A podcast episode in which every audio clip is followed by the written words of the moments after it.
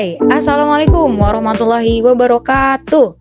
Apa kabar teman-teman? Semoga senantiasa diberi kesehatan dan kekuatan ya. Sebelumnya aku akan memperkenalkan diri dulu. Sebelum masuk ke inti pembicaraan Semoga yang belum tahu jadi sedikit lebih kenal aku Yang udah kenal jadi semakin dekat Yang sudah dekat ya sudah nggak apa-apa Oke, perkenalkan nama aku Abida Mutiah, akrab dipanggil Mute, mahasiswi Fakultas Psikologi Universitas Diponegoro angkatan 2016. Nah, pada kesempatan kali ini, aku bakal sedikit berbagi ke teman-teman mengenai salah satu wadah yang disediakan oleh BEM Fakultas Psikologi Undip, yaitu peer counselor. Teruntuk teman-teman, khususnya yang udah ada di tahun kedua dan ketiga di Psikologi Undip, aku rasa kata konselor udah nggak asing lagi ya di telinga teman-teman pembahasan mengenai konselor ini nih udah dibahas satu mata kuliah sendiri kan. Kalau dulu aku dulu kalau nggak salah di semester 4 itu ada mata kuliah namanya psikologi konseling. Nah, ini juga bahas mengenai konselor sangat banyak dan lumayan mendetail. Semoga generasi kita nggak beda jauh ya. Semoga teman-teman juga di sekitar semester 4 mungkin ya. Oke, aku di sini nggak akan kasih kuliah online. Di kesempatan kali ini apalagi kuis juga enggak. Singkatnya aku bakal ngobrolin tentang konselor sebaya atau peer konselor yang berkaitan dengan pelaksanaan yang pernah aku lewatin di periode lalu.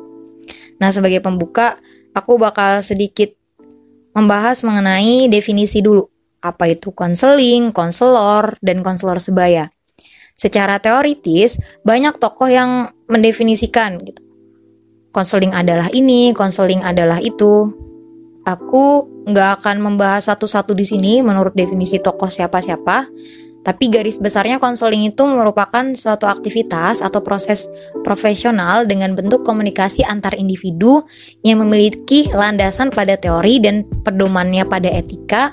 Tujuannya untuk apa? Membantu seseorang supaya sehat mentalnya. Nah, yang melakukan konseling kepada klien itu disebut dengan konselor kalau ada tambahan jadi sebaya, kalau kata Santrok di salah satu bukunya itu, teman sebaya atau peer itu anak-anak atau remaja dengan tingkat kematangan atau usia yang kurang lebih sama. Jadi uh, penerapan konselor sebaya itu salah satunya kayak apa yang udah dilaksanain BEM psikologi. Jadi konselornya mahasiswa, kliennya juga mahasiswa kayak gitu. Semoga udah kegambar ya teman-teman sampai di sini. Nah, Coba kita bahas satu persatu deh. Aku bakal pisahin jadi dua bagian. Persiapan menjadi perkonselor di bagian pertama dan ketika keberjalanan menjadi peer counselor untuk bagian kedua. Pertama, memahami dasar konseling mulai dari teori dan bagaimana pengaplikasiannya. Dapat materi psikologi konseling di perkuliahan pun menurut aku udah banyak ngebahas terkait itu kayak tadi yang udah aku sampaikan di awal. Dan tambahannya, teman-teman nanti bisa dapetin di pelatihan intensif setelah workshop peer counselor. Bedanya di mana? Di sini aku rasa kita bakal bisa lebih mendapatkan sesuatu yang lebih intensif gitu ya, memperdalam pengaplikasian teori ketika pelatihan. Kalau dulu sih yang aku rasain banget ketika pelatihan itu mengenai studi kasus dan diskusi yang di yang ada di forum itu gitu. Jadi studi kasusnya itu membahas berbagai kemungkinan yang terjadi kalau ada kasus kayak gini nanti kayak gimana menangani klien terus mendiskusikan mana yang seharusnya kita lakukan mana yang tidak kayak gitu lebih intensif dan kita tuh melakukan studi kasus sekaligus diskusinya itu bareng sama psikolog yang beliau-beliau juga dosen kita sendiri gitu. Jadi lebih seru dan lebih menambah banyak wawasan gitu. Dengan memperbanyak diskusi semacam tadi atau dengan cara lain pun di berbagai kemungkinan yang terkait berbagai kemungkinan yang terjadi selama proses konseling nantinya serta teori maupun teknik konseling yang kita rasa masih sulit nih dipahami gimana mengaplikasikannya itu sangat membantu gitu untuk melakukan konseling ketika kita memperbanyak diskusi kayak gitu. Kita perlu banget memperdalam keterampilan apa yang dibutuhkan seorang konselor sebelum nantinya kita bertemu dengan klien kita. Aku bakal sedikit ulas gimana sih supaya konseling yang dilakukan oleh konselor menjadi efektif. Nah, di sini aku mengutip dari bukunya Kore tentang konseling juga dari sekian banyak sebenarnya ada lebih lebih dari lima kalau nggak salah ada lebih dari lima tapi ada tiga poin yang menurut aku menarik untuk dibahas gitu, menarik untuk disampaikan. Beberapa keterampilan ini yang sangat aku rasakan ketika kemarin uh, menjadi konselor sebaya. Yang pertama, yang selalu jadi pondasiku nih, itu kemampuan mempertahankan batasan yang sehat. Gimana maksudnya? Konselor itu memang perlu berusaha hadir sepenuhnya untuk klien, namun jangan sampai masalah klien kita bawa ke kehidupan pribadi dan kita harus juga bisa menjaga keseimbangan hidup diri kita sendiri kayak gitu. Jadi jangan setelah kita melakukan konseling permasalahan konsel uh, sorry permasalahan klien itu kita bawa di kehidupan kita terus sehari-hari menjadi mengganggu kayak gitu. Mengganggu kondisi psikis kita bahkan bisa jadi fisik kita kayak gitu. Jangan sampai seperti itu gitu. Itu salah satu kemampuan yang uh, membuat keterampilan kita sebagai konselor menjadi efektif ketika bisa melakukan hal itu gitu. Mempertahankan batasan yang sehat. Tapi tetap profesional ya nah yang kedua itu mengenai keterampilan interpersonal yang efektif. Sebenarnya keterampilan interpersonal efektif ini juga kita udah latih ketika sehari-hari gitu. Ketika kita bertemu seseorang, bertemu dosen di perkuliahan, di organisasi teman-teman dan lain sebagainya. Menurutku ini salah satu hal yang terus-menerus perlu dilatih gitu. Nggak nggak cuma waktu pelatihan, nggak cuma ketika mau konseling doang atau nggak cuma ketika ketemu klien doang gitu.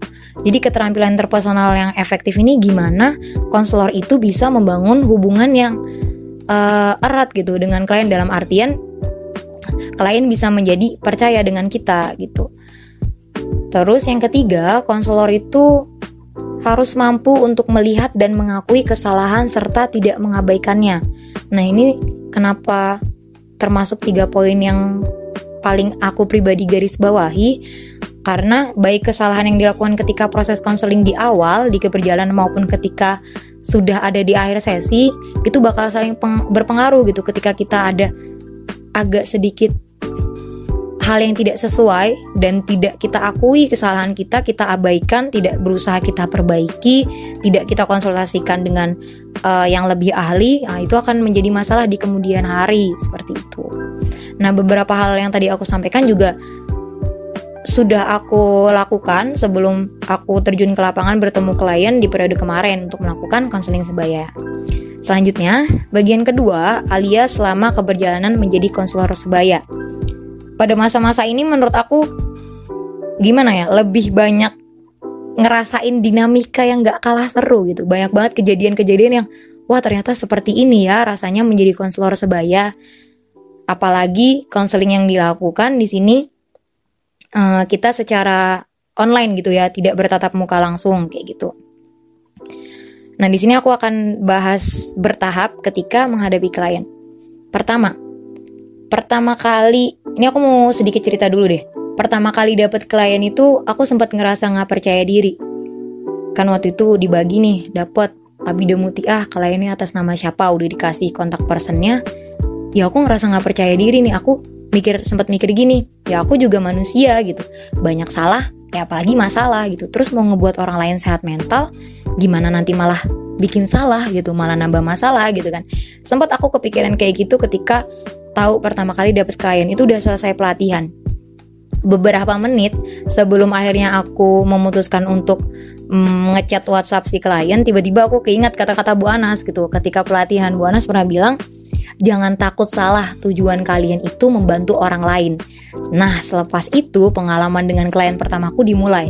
Hal yang paling mendasar dan berdampak pada keperjalanan konseling adalah sesi awal menjalin kedekatan dalam batas profesional dengan klien gimana kita bisa ngebuat klien itu percaya dan terbuka dengan kita tanpa mengesampingkan peraturan atau kesepakatan yang udah disampaikan dan dibahas bersama klien sebelumnya.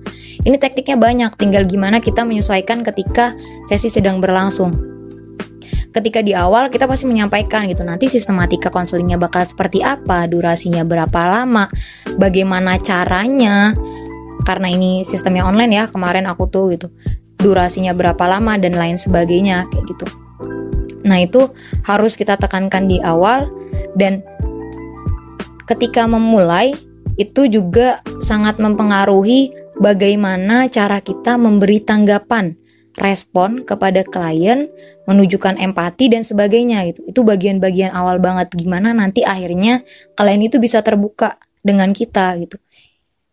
ketika permasalahan nanti sudah terlihat, ini yang uh, perlu berhati-hati sih untuk menemukan inti permasalahan.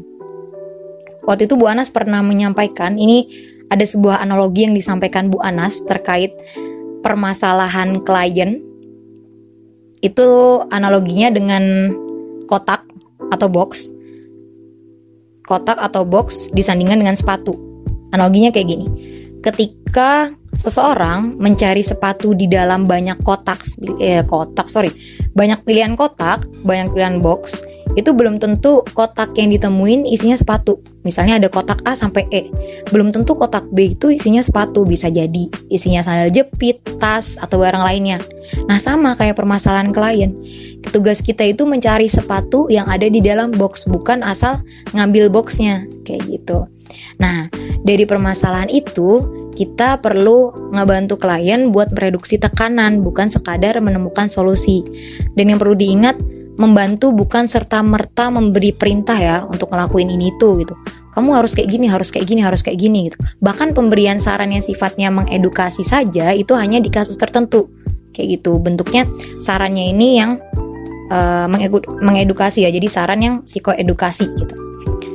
Nah setelah uh, tahap ini usai uh, permasalahan sudah ketemu sudah ada penyelesaiannya jangan lupa mengakhiri sesi konseling gitu. Ini juga ada tekniknya. Teman-teman nanti bisa ingat-ingat lagi, bisa baca lebih lanjut lagi mengenai teknik bagaimana mengakhiri sesi konseling. Dan yang perlu diingat teman-teman, sesi konseling tidak harus selesai pada satu pertemuan. Ini tergantung keperluannya. Ini pun yang aku alami ketika periode kemarin. Beberapa klien, ada klien yang ketika sesi konseling hanya dalam satu satu sesi konseling aku selesaikan ada yang sampai tiga pertemuan, ada yang dua pertemuan seperti itu. Dan kendalanya pun banyak gitu karena ini kita konselingnya menggunakan online ya. Kalau aku selalu pakai WhatsApp, chat by WhatsApp. Itu beberapa kali kadang uh, kalau sinyalnya kita lagi bermasalah, pending itu lumayan mengganggu. Ntar waktu kitanya pending, nggak kekirim di klien, kliennya udah ketiduran dan lain sebagainya, harus kepotong besoknya dan lain sebagainya, seperti itu, kayak gitu. Itu yang hal-hal yang perlu kita antisipasi juga kayak gitu. Ketentuan-ketentuan bagaimana sistematika melakukan konseling itu perlu kita tekankan kepada klien. Oke, selanjutnya uh, selama menjadi peer konselor pun aku beberapa beberapa kali sharing ke teman-teman konselor lain maupun dosen ketika aku punya permasalahan entah apa pun itu kaitannya dengan konseling. Bahkan ketika aku merasa diriku sedang bermasalah beberapa kali aku minta tolong penggantian jadwal karena ya nggak baik juga buat dua-duanya. Kayak gitu. Jangan lupa ya mengadakan evaluasi bareng konselor lainnya secara berkala. Ini ngebantu kita buat berbagi pengalaman dan kesulitan. Pasti bakal seru. Oke, terakhir aku bakal sampaikan sedikit tips and trick yang aku dapetin dari sesi pelatihan konselor tahun lalu. Yang pertama, peka terhadap informasi dari klien. Yang kedua, memastikan akar permasalahan. Yang ketiga, memberi penawaran akan sesuatu bukan perintah. Yang keempat, hindari melakukan judging. Bantu klien mendapat insight atau pemahaman. Selanjutnya, jangan takut salah. Yang tadi aku udah sampaikan tujuan kita untuk membantu. Lalu jangan pusing mikirin pendekatan apa yang kita pakai ketika konseling. Kita harus bisa meramu sendiri. Jangan membuat klien bergantung dengan kita. Dan yang terakhir, jika dirasa permasalahan klien sudah tidak bisa kita tangani dengan konseling, merujuk ke psikolog ahli. Oke, itu tadi sedikit cerita yang bisa aku bagikan. Semoga bermanfaat dan teman-teman semakin bersemangat. Mohon maaf bila ada salah perkataan. Terima kasih sudah mendengarkan dan sampai jumpa di lain kesempatan teman-teman. Wassalamualaikum warahmatullahi wabarakatuh.